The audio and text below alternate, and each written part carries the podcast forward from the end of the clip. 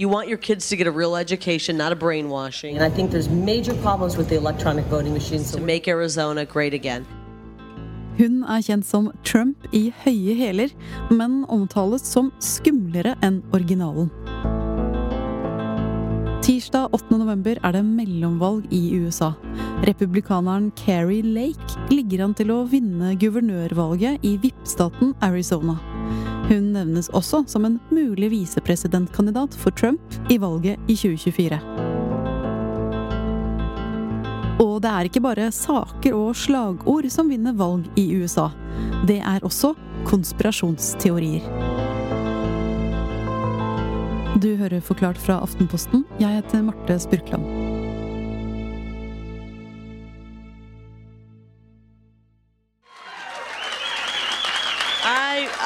I let's you know what? Let's let's drink to um, a victory on November 8th.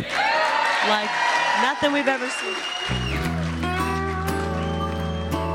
Carol Lake er veldig veldig karismatisk og svært god til å kommunisere. Hun, hun veksler når hun står på scenen mellom sånne eh, brutale angrep på motstanderne. Ganske sånn Donald Trump-aktig retorikk. I feel dumber every time I hear her speak, to be honest. Og så har hun på en måte eh, vitser, eh, og hun tar opp ting hun ser i salen. By the way, cutest little baby over there in the back. He's sleeping on dad's head. Look at him. Som gjør henne på en måte litt varmere da, enn Donald Trump gjerne kan, kan fremstå. Men, men generelt så virker hun bare ekstremt trygg foran en folkemengde. Øystein Langberg, du er korrespondent i USA for Aftenposten og programleder i Aftenpodden USA. Carrie Lake er jo fra Iowa, hvor det er mange innbyggere med skandinaviske aner, og det har visst hun også. Men utover det, hvem er hun? Hun er en veldig veldig interessant eh, politiker. Eh, når man ser henne på scenen, så skinner det veldig gjennom at hun har vært programleder og journalist i mange tiår i en sånn lokalkanal i Arizona. Så hun er et kjent ansikt for veldig mange der nede eh, allerede. Eh, og så sa hun opp jobben sin etter presidentvalget i 2020 med liksom brask og bram. Sadly, journalism has changed a lot since I first stepped into a newsroom. And I'll be honest, I don't like the direction it's going. Og hun langet ut mot mediene som hun kalte for venstrevridd og sånn, og fikk på en måte enda mer buzz rundt navnet sitt. Og så på kort tid etter det da, så har hun etablert seg som en sånn veldig stor stjerne på høyresiden i USA. Eh, og de aller ivrigste de sier allerede at hun er en sånn mulig visepresidentkandidat for Trump da, om han stiller igjen i 2024. Noe Carrie Lake er helt klar på at Trump bør. Hun vil ha han tilbake som, som president. Og så har det vært en stor snakkis i valgkampen i Arizona at den demokratiske motkandidaten til Carrie Lake, hun heter Katie Hobbs, og hun har nektet å møte Carrie Lake til debatt. To be real honest, she can't even string a couple words together. She spent the entire minute and a half saying um and ah and couldn't come up with one thing. So I think she knows why she won't debate. It would be um, it would be like a birthday cake versus a chainsaw. Hvorfor vil hun ikke på samme scene som denne dama her? Nei, Det er et godt spørsmål. Det er faktisk folk som har kritisert Hobbes i hennes eget parti også for ikke stille i, i debatt. Men, men, det Hobbes og en del av Carrie Leggs motstandere sier, er at hun er en farlig dame. Hun er en trussel mot demokratiet i Arizona og, og USA, og de frykter at hun bare vil bruke det hele som en sånn PR-stunt, og de vil gi henne en, en, en, plattform på et, annet, på et eller annet vis. Hvordan funker den strategien til motkandidaten hennes om å rett og slett ikke gå på samme scene som henne? Altså, Hjelper det, eller gir det henne bare mer vind i seilen?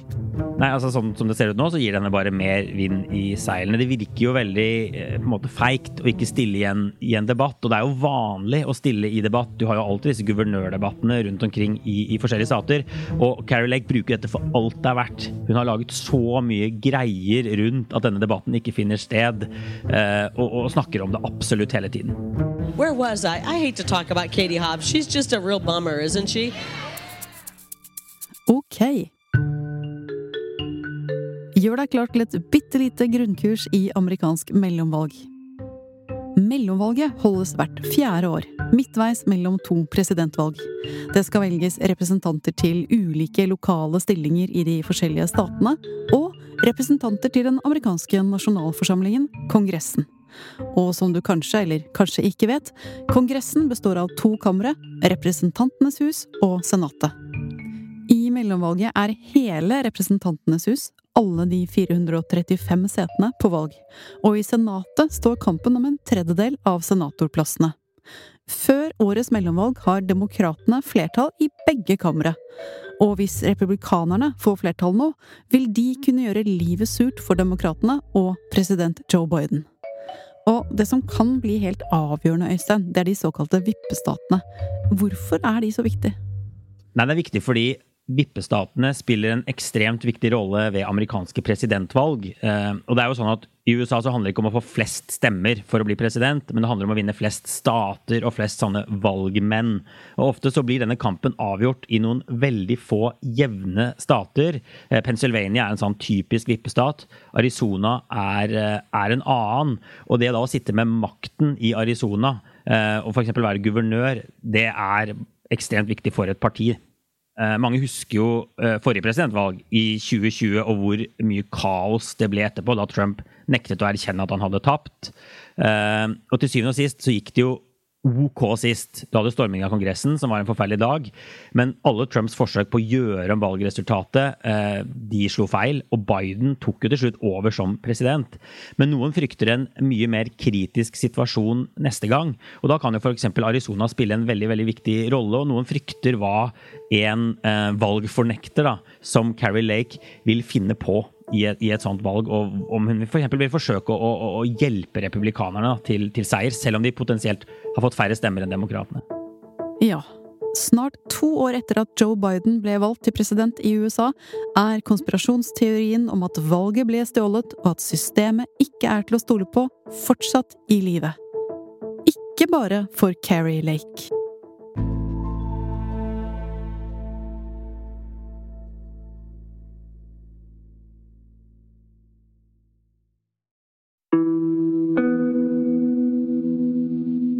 Valgkampen mot det amerikanske mellomvalget har det endret seg hva som er de store sakene. I sommer var abort en het potet, og det tjente demokratene på. Også skoleskytinger og våpenkontroll har vært et tema. Men nå har de fleste saker blitt feid av banen av en gjengangersak som alltid engasjerer velgere økonomi. Penger. Folks egen lommebok og konto. Og det passer fint for den tidligere lokal-TV-stjerna som gjerne vil bli ny guvernør i Arizona.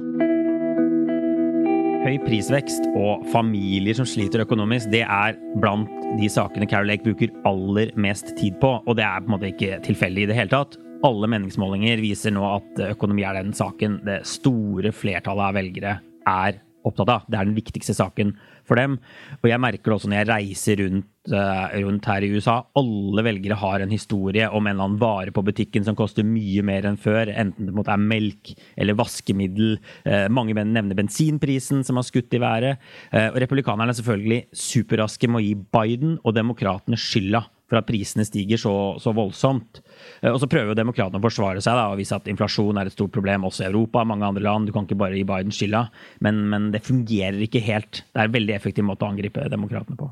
Og så er det vel noen av de valgkamppoengene til Carrie Lake som flyter litt over mot konspirasjonsteori, eller? Ja, og hun er i hvert fall veldig opptatt av Eller hun tar opp noen saker som høyresiden og er ekstremt opptatt av, og som er knyttet til mer sånn kulturkrig, kamp om verdier. Eh, hun sier at USAs skolesystem f.eks. hjernevasker elevene med sånn venstresidepropaganda. Eh, på det, på det valgmøtet jeg var på, så, så, så, sa hun at ingenting er verre enn når du sender barna på college da, eller på universitetet, og de kommer tilbake rett før jul som en helt annen person. Nothing worse than when you send your kids off to college and they come home a different person uh, for Thanksgiving. They've been brainwashed. It's happened to a few people. Vi vil ha barna våre tilbake, uh, sier hun. Uh, så, så, det er jo en del av denne påstanden om at disse hjernevaskes da, og blir venstrevridde av å gå på, på universitetet. Men den mest gjenstridige konspirasjonsteorien er altså den som sier at presidentvalget i 2020 ble stjålet. For selv om det snart har gått to år, og til tross for oppvasken etter stormingen av Kongressen, er det fortsatt ganske mange som nekter å godta at Joe Biden ble valgt til president. Nei, Carrie Lake er en av mange som mener at Trump var den rettmessige valgvinneren både i Arizona og i hele USA tilbake i 2020. Hun, hun, sier at vi faktisk har en illegitim president i Det hvite hus og lignende ting som det. Men hun er jo ikke alene om å mene dette her. Hvis man ser på alle republikanske kandidater eh, til viktige posisjoner i mellomvalget, så er det kun 14% som fullt og helt offentlig sier at Biden eh, vant valget i 2020. Som jo er en uhyre liten andel. Det store flertallet mener enten at Trump vant, eller de sår tvil om hele resultatet, eller de vil rett og slett ikke svare på hvem som vant valget i, i 2020. Enda de kan, Man har telt mange ganger, det har vært i rettssystemet. Det er ingen tvil om at Biden vant. Han fikk syv millioner flere stemmer enn en Donald Trump. Men Øystein, tror du Keri Lake og disse som snakker om det stjålne valget, og at Trump egentlig vant, tror de på det? Sånn helt oppriktig? Eller er det bare noe man kan si for å fyre opp stemningen og vinne flere velgere? Det er nok en blanding. Noen tror nok på det. Andre har nok innsett at det er en ting de må si for å f.eks. Eh, vinne over republikanske velgere, da. Eh, ofte så må disse kandidatene først gjennom en sånn intern partirunde hvor de skal få republikanske velgere til å stemme på seg, primærvalgene, før de blir partiets kandidat. Og der er jo det å vise støtte til Donald Trump fortsatt eh, ekstremt viktig, fordi han er en, en, en veldig, veldig populær, eh, populær, fyr blant republikanere. Bruker demokratene også litt sånn skitne triks eller konspirasjonsteorier i sin valgkamp? Altså, jeg har ikke sett så mange eksempler på at demokrater sier, sånn som Carrie Lake, at de eh, ikke vil gå med på at de tapte, f.eks., hvis de får færre stemmer enn motstanderne i november.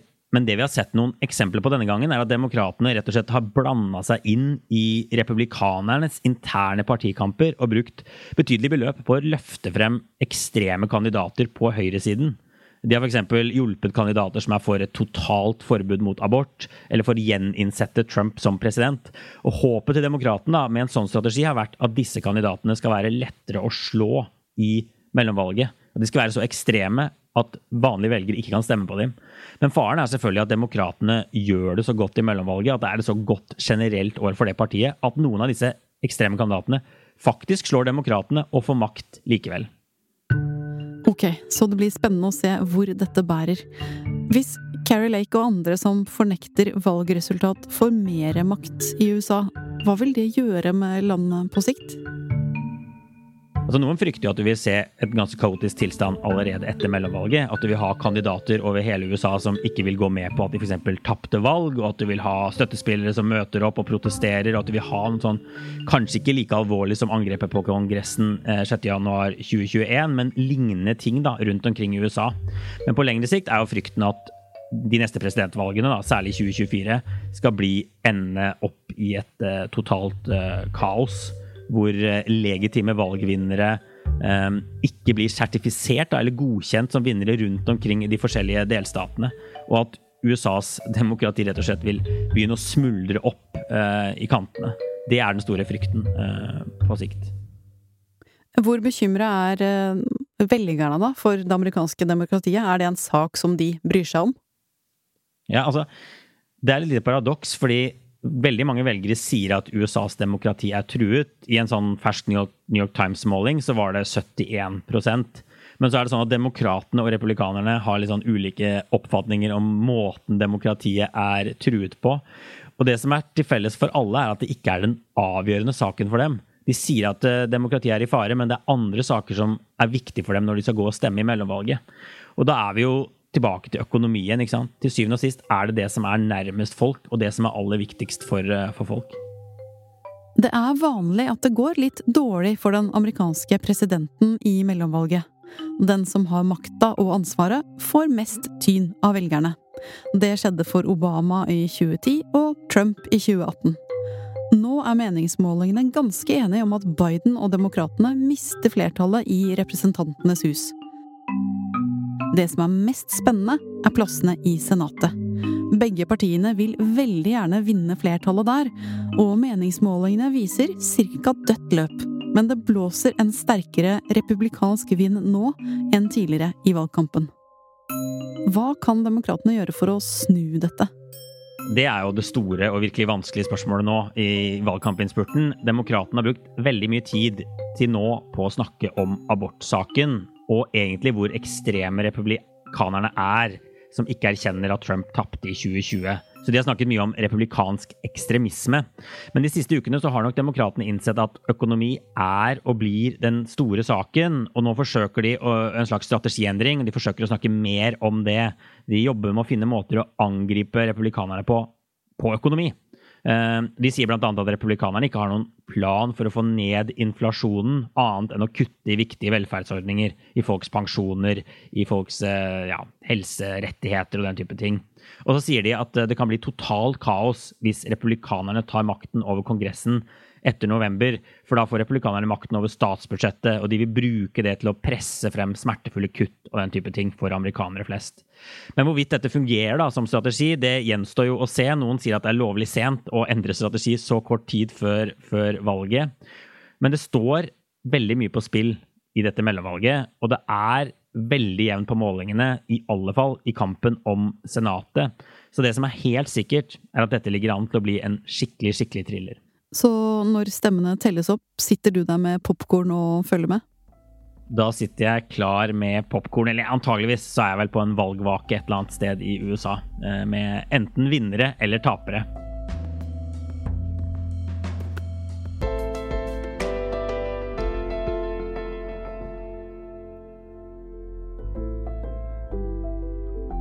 Du har hørt en podkast fra Aftenposten. Det var Øystein Langberg som snakket om mellomvalg i USA og republikanernes nye stjerneskudd, Keri Lake. Episoden er laget av meg, Marte Spurkland, og produsent Jenny Føland.